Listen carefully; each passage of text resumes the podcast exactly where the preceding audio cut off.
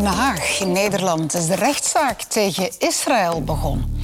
Zuid-Afrika zegt dat er een genocide aan de gang is. Wat gaat het internationaal gerechtshof daar nu mee doen? Als er beslist wordt dat het wel zo is, wat dan? Wat zijn de gevolgen als Israël schuldig bevonden wordt aan genocide? Wat kan China uiteindelijk België schelen? Zo, hoe belangrijk vinden die om ja, Maar daarom dat wij naar daar gaan en zij niet naar ons komen. Een Belgische delegatie is op bezoek in China. Maar welke relatie willen we daarmee? We are just getting word from the SEC that a wave of Bitcoin ETFs have been approved. The SEC just putting out a statement. Ik zie uw hoofd, Sophie. Ik denk gewoon dat er heel veel mensen inderdaad nog gewoon omhangig gevoel mm, Maar misschien terecht, En hoe mainstream zijn bitcoins intussen geworden? Ik vraag het aan mensen die het beter weten dan ik. Welkom bij het kwartier. In het Vredespaleis in Den Haag moet Israël zich komen verdedigen tegen een aanklacht over genocide, volkenmoord in de Palestijnse Gazastrook. En daar zijn veel mensen van overtuigd. What's happening in Palestine is a genocide. There is a genocide happening right now. The genocide. Genocide. Genocide. Maar hebben ze wel gelijk? Het Internationaal Gerechtshof in Den Haag buigt zich nu over die vraag. De zaak is aangespannen door Zuid-Afrika. Daar is het ANC aan de macht dat al lang nauwe banden heeft met de Palestijnen. Maar zij zijn zeker niet de enige die zich zorgen maken. België kan niet blijven toezien op wat er gebeurt in Gaza. Het lijkt steeds meer op genocide wat daar gebeurt. Dat was federaal minister De Sutter van Groen en ook CD&V en Vooruit vragen een onderzoek. Ik wil dus wel eens weten wat we nu mogen verwachten van die zaak bij het Internationaal Gerechtshof.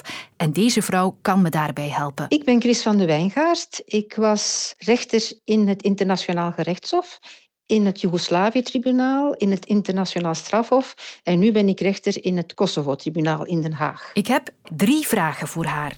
Ten eerste, wat is nu de precieze definitie van een genocide?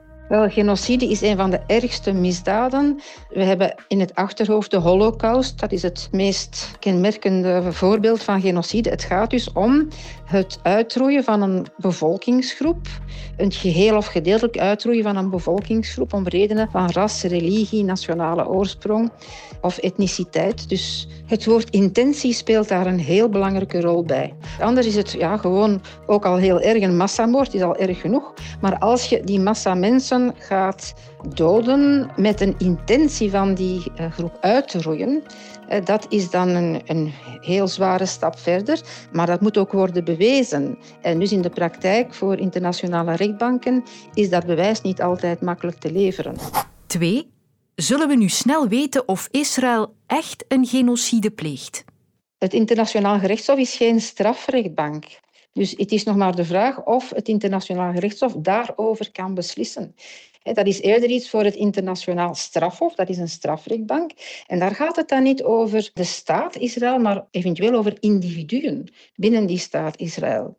En dus dat is nog een, een heel andere procedure die ook loopt en dat loopt voor het internationaal strafhof. De vraag heeft nog maar betrekking op het nemen van voorlopige maatregelen, zoals dat heet.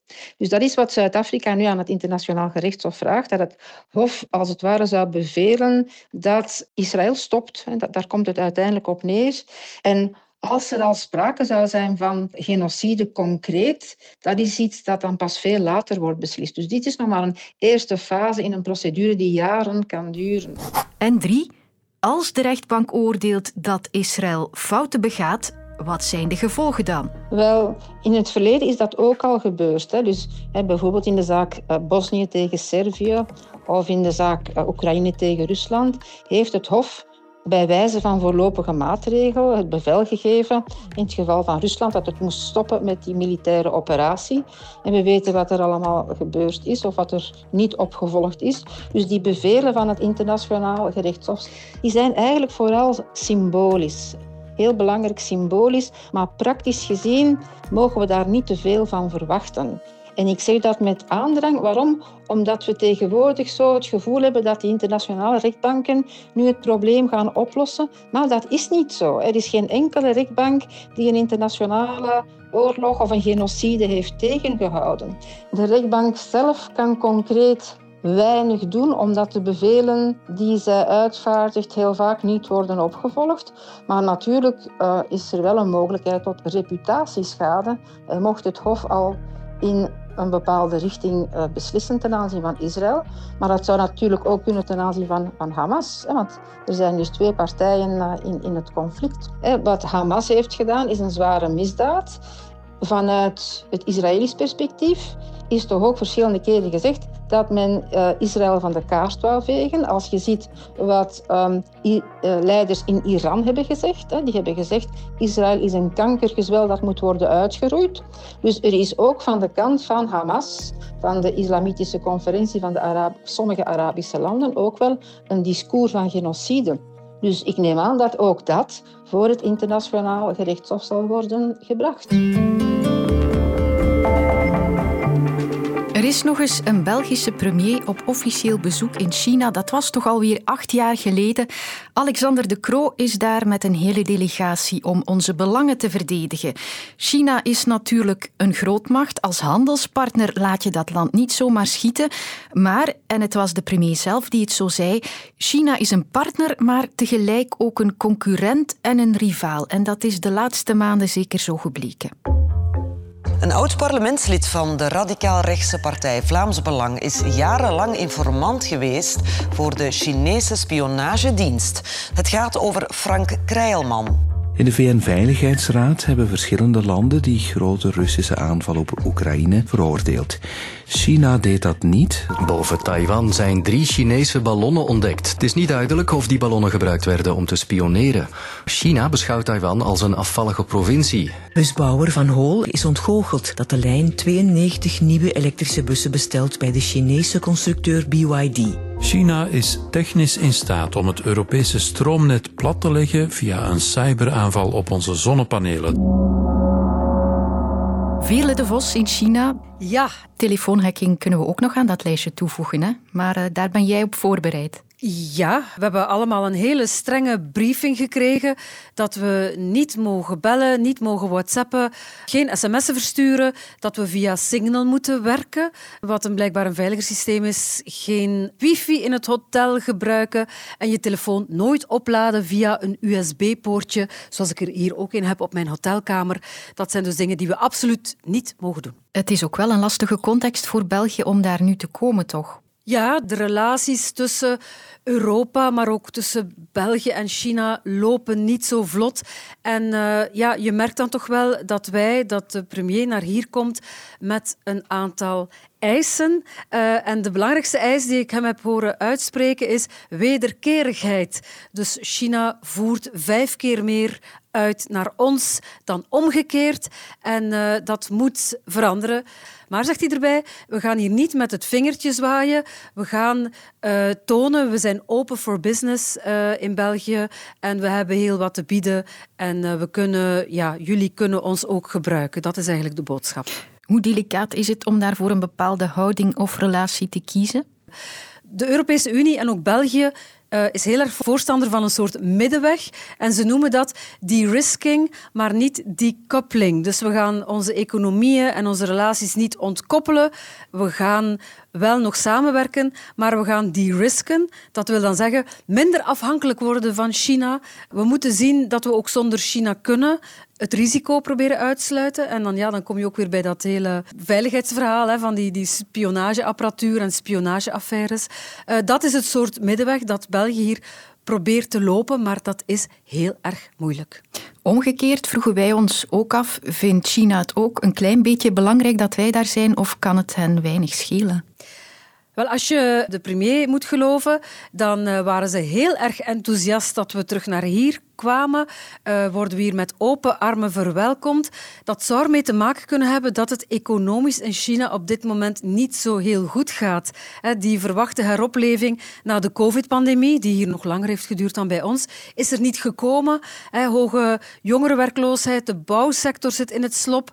Dus ja, je zou kunnen zeggen, het is een ideaal moment, want misschien heeft China ons Europa wel meer nodig dan we denken, of in elk geval meer nodig dan de voorbije jaren. Dus eh, in die zin is het misschien wel een uniek moment om die relatie wat recht te trekken. En wat staat er dan op het Belgische verlanglijstje? Wat hopen wij daar uit de brand te slepen? Um, dat zijn een heel aantal dingen. Iets heel praktisch is het varkensvlees. Uh, en ik heb mij dan laten vertellen, dat gaat over het vijfde kwartier. Dat zijn de oren, de poten, uh, delen van het varken die wij niet eten, die we weggooien. Maar die zijn in China heel erg gegeerd. Maar varkensvlees mag China al niet meer binnen sinds 2018. En dat willen ze hier heel graag veranderen. Dus dat staat heel erg uh, hoog op het prioriteitenlijstje. Er zijn ook logistieke bedrijven mee, havens, luchthavens zijn hier ook. Ze willen ons presenteren als het, de beste gateway to Europe zeggen ze dat dan, het logistieke knooppunt. En ze willen eigenlijk dat China ook meer daarvan gebruik gaat maken. Hij zegt de Kro daarbij, wij gaan handel blijven drijven met China. We gaan ons niet ontkoppelen. Eh, we hebben China nodig. En omgekeerd is dat ook zo. Jij vocht het daar, hè? nog één dag, denk ik? Nog één dag, inderdaad. Het is een blitsbezoek, 60 uur. Dankjewel, Veerle in China. Er zijn twee soorten podcast-hosts je hebt Lode. Hey Sophie, het is uh, Lode hier. Ik heb uh, geen vrije dag, ik ben eigenlijk op weg naar het werk. Ik ben er uh, zo meteen, maar ik dacht ik ga even nu al antwoorden. Je mocht dat zeker vermelden. Ik heb in bitcoin geïnvesteerd een jaar of twee geleden toen de bitcoin gigantisch hoog stond. En toen is die ook gigantisch gezakt, dus ik heb daar eigenlijk virtueel veel geld af, enfin, veel, een paar duizend euro aan verloren. Maar ik heb die ook niet opnieuw verkocht, dus die staat daar gewoon op de lage koers momenteel. Dus ik wacht gewoon totdat de bitcoin weer gaat stijgen of een host zoals ik? De zin van ofwel Ludwig of Stefan, die het artikel bij ons heeft geschreven, in de inleiding is investeren in de populairste cryptomunt wordt zoveel toegankelijker voor een groot publiek. Ja, maar moet dat? Ja, ik ga het er toch over moeten hebben. We're looking at the top business stories, starting with the cryptocurrency industry. It was given a major boost on Wednesday when US financial regulators finally cleared 11 Bitcoin investment funds to start trading on stock exchanges. The SEC approves Bitcoin spot ETFs, milestone for digital assets. Breaking news the Securities and Exchange Commission has indeed approved 10 spot Bitcoin ETFs here. Heel eerlijk, ik weet er bitter weinig over. Dit is allemaal heel ongrijpbaar voor mij. Dat snap ik volledig. Uh, er komen heel wat woorden aan te pas. Uh, fondsen, bitcoin, trackers, waar je misschien nog nooit van gehoord hebt. Dus dat snap ik volledig. Maar gelukkig is er Steven Rombout van onze economische redactie. Hij kan mij door dit nieuws gidsen. Gisteravond heeft de Amerikaanse beurswaakhond beslist dat er een soort bitcoin tracker mag komen. Een tracker is een soort ja, instrument dat eigenlijk netjes de koers van de bitcoin gaat volgen. Dat is een proces van, van jaren geweest. Hè. De, de aanvraag tot zo'n bitcoin tracker uh, die, die gaat al lang mee. En de Amerikaanse beurswaakhond heeft eigenlijk altijd geweigerd om dat te doen. Maar nu is ze wel gezwicht. Uh, ze heeft er wel meteen aan toegevoegd. Het is niet omdat we nu zo'n bitcoin tracker in Amerika toelaten dat we de bitcoin meteen gaan omarmen. Nee, in tegendeel, ze heeft nog maar eens gewaarschuwd voor de gevaren die aan die bitcoin gekoppeld zijn. Met andere woorden? Ja, de, de dodgy websites, de, de, de, vreemde platformen die je moet gaan zoeken, waar je ja, je paswoord misschien uh, kan verliezen, waar je misschien niet altijd kan inloggen, waar, uh, waar je vreest voor de financiële toestand van het platform. Dat kan allemaal wegvallen als je het doet via een, een, een tracker, via een bank. Dus ik denk wel dat meer mensen in de verleiding zullen komen om dat te doen. En dus zijn de Bitcoin-believers wereldwijd heel gelukkig met dit nieuws. The Bitcoin Spot ETF, guys, has officially been approved. We finally have it. We have approval. Man, what yes. a day. What a day. We finally got what we've been hearing about for years. And we have amazing news. The Bitcoin ETF has finally been approved. Duidelijk veel enthousiasme bij de Bitcoin-lovers. Maar wil dit nu echt zeggen dat ook ik al mijn reserves opzij moet zetten? Is Bitcoin nu echt mainstream aan het worden? Het is niet meer mainstream geworden als uh, betaalmiddel. Het wordt amper gebruikt als betaalmiddel. Het is wel meer mainstream geworden als uh, belegging. Hè. Dat zien we aan de waardering van de Bitcoin, aan de mensen die erover praten en die erin beleggen.